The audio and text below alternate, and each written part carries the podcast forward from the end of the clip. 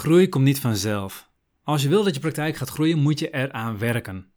En zelfs als je eraan werkt en die groei begint te komen, dan zul je merken dat je op een gegeven moment vastloopt. Dat je vastloopt in het businessmodel wat je hebt. Want de manier waarop jij werkt bepaalt hoe groot je maximaal kunt worden. Werk je alleen maar één op één, dan heb je een maximaal aantal cliënten wat je hebt. Doe je zelf al je marketing handmatig door langs um, evenementen te gaan, door mensen te bellen, dan heb je een maximum aan het aantal mensen wat je binnen kan halen. Dus jouw businessmodel, beter gezegd de systemen binnen jouw praktijk, die bepalen hoe ver en hoe snel jij kunt groeien. Dus wil je meer impact, meer vrijheid, meer omzet, dan zul je moeten kijken naar hoe jij kunt groeien en welke systemen jij in je bedrijf hebt. Hey hallo, Bas van Pelt hier. In deze podcast wil ik samen met jou kijken hoe je niet alleen kunt groeien met je praktijk, maar hoe je je praktijk zodanig laat groeien dat het jouw droomleven mogelijk maakt. Een praktijk met meer impact, meer omzet en meer vrijheid. Ik ga er even vanuit dat je meer impact wil maken. Dat je meer mensen wilt bereiken en nu we het toch over hebben, dat je ook meer omzet wilt. Nou, dan wil je groeien. Misschien niet in de zin van meer personeel of meer uren werken, waarschijnlijk niet zelfs, maar je wil wel meer impact maken, je wil meer vrijheid hebben en je wil meer omzet. Het probleem waar je dan tegenaan gaat lopen, is dat groei met groeistuipen komt. Kijk, het probleem van de praktijk is dat hij niet oneindig op te rekken valt. Er zitten grenzen aan de groei van je huidige businessmodel. Het is niet zoals een boom die onbeperkt kan groeien, zolang je maar water geeft, zolang je maar zon geeft en gewoon elk jaar weer een aantal centimeter hoger en een aantal centimeter dikker wordt. Je praktijk beter gezegd, je businessmodel kun je meer zien als een schaaldier. Een schaaldier die groeit een stuk, vervolgens wordt zijn schaal te krap en moet hij deze afgooien, waarna hij een nieuwe schaal krijgt waarin hij weer een stuk verder kan groeien. Dus je groeit eigenlijk met stappen steeds met een andere schaal, steeds met een andere businessmodel.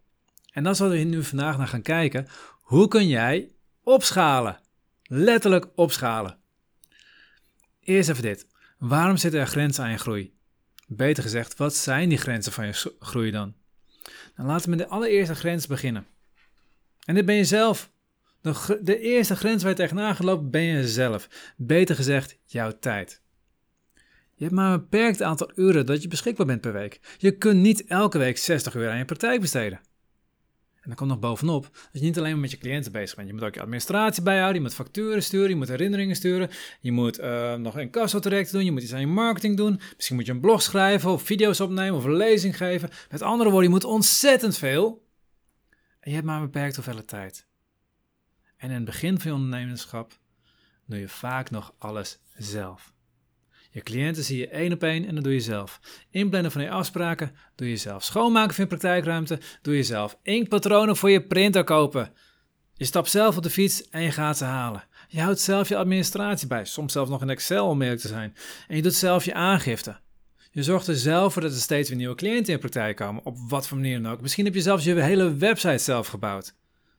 Met andere woorden, je bent zowel de CEO in je bedrijf als de therapeut, als de secretaresse, als de conciërge.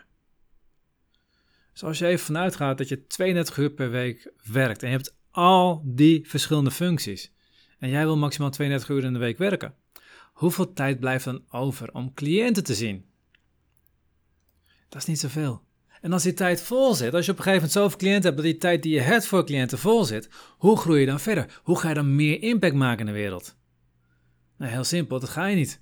Je bent dan een schaaldier, je bent dan een krab geworden, die dan in een te krappe schaal zit. Nou, de oplossing is dan, ja, de, je oude schaal afgooien en een nieuwe schaal te groeien.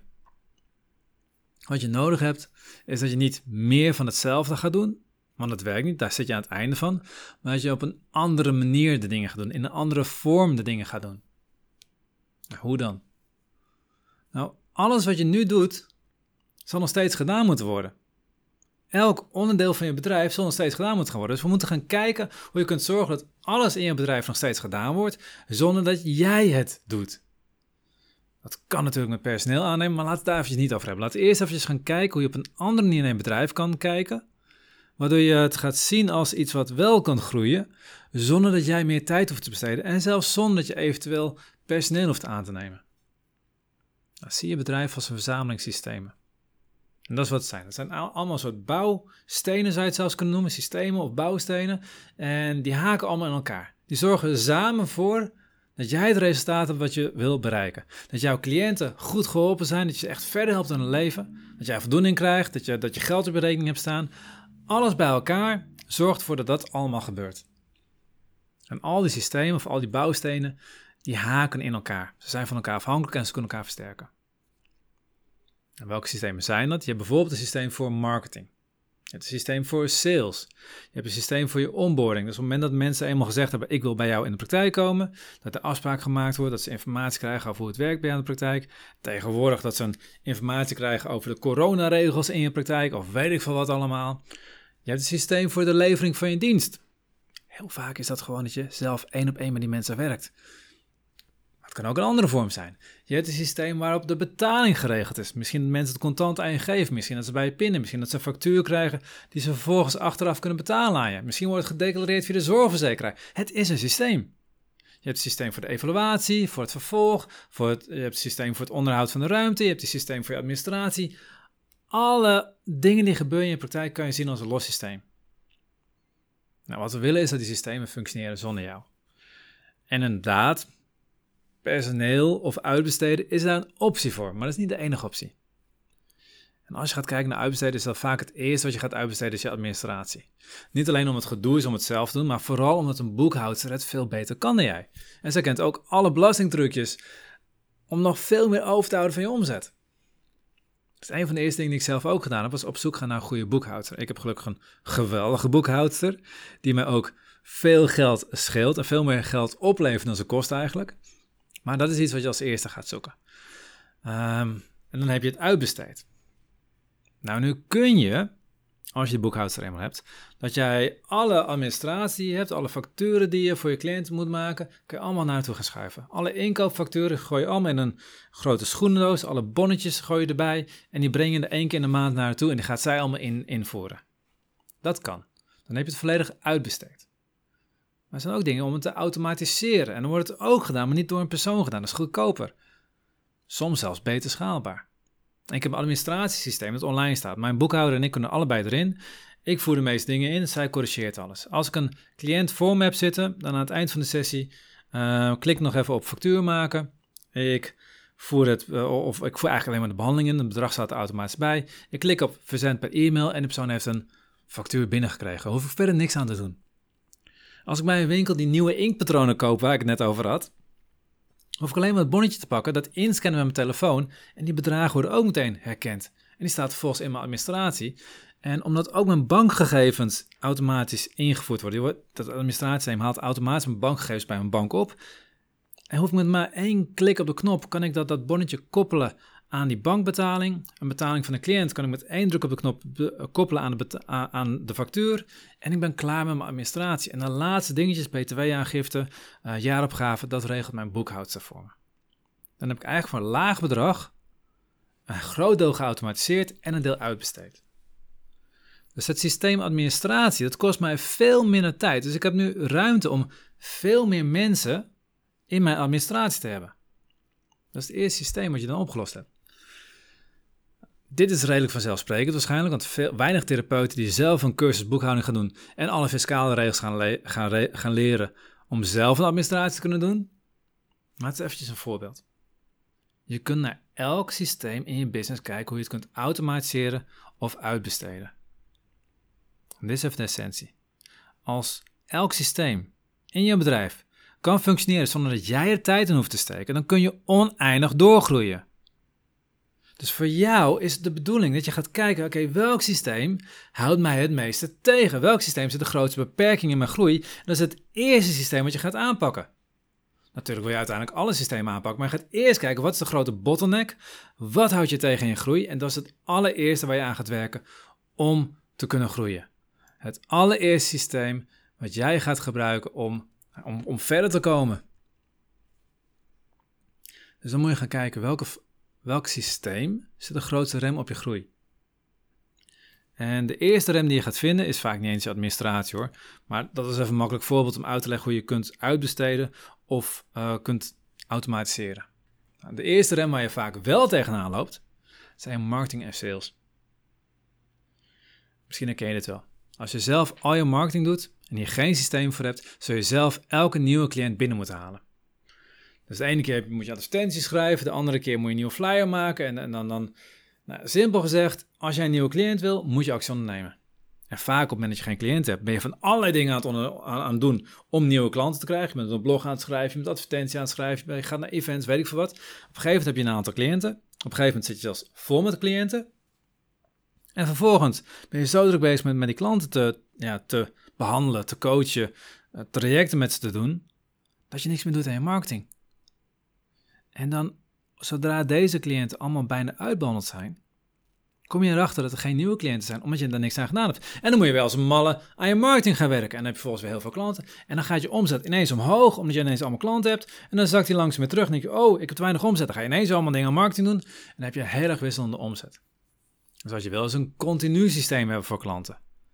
En nogmaals, als je het zelf elke week gaat doen, moet je dus elke week iets aan je marketing doen om te zorgen dat klanten blijven komen.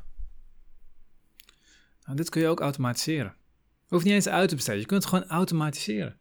En het kan zelfs zo makkelijk zijn dat je denkt van, nou, ik, ik, ik zou even zeggen hoe ik het gedaan heb. Voor mijn praktijk, voor mijn praktijk acupunctuur en coaching. Ik heb een goede salespagina voor een bepaalde aandoening. Die staat op mijn website. En die salespagina is zo goed dat die van het aantal bezoekers wat erop komt, een groot percentage verandert in klanten. Nou, het enige wat ik dan nog hoef te doen is zorgen dat er genoeg bezoekers op die pagina komen. En dat kan bijvoorbeeld met een Google-advertentie die automatisch doorloopt. Dus ik heb nu al meer dan vier jaar dezelfde advertentie staan. heb meer dan vier jaar geleden heb ik hem gemaakt, die advertentie. Meer dan vier jaar geleden is ook die pagina gemaakt.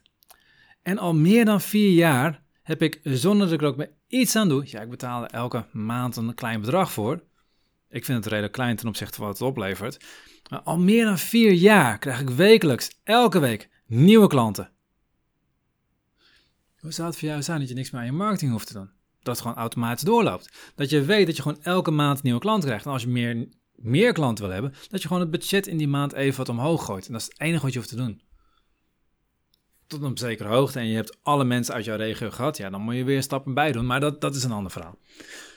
Op die manier kun je dus die bottleneck weghalen. Dan heb je dus een voldoende aanwas van nieuwe klanten. Oké, ga nog eens even terugdenken naar wat voor systemen we allemaal hebben. Wat zou de volgende rem zijn op jouw groei? Er komen dus genoeg klanten binnen. Maar wat is dan de volgende rem op jouw groei?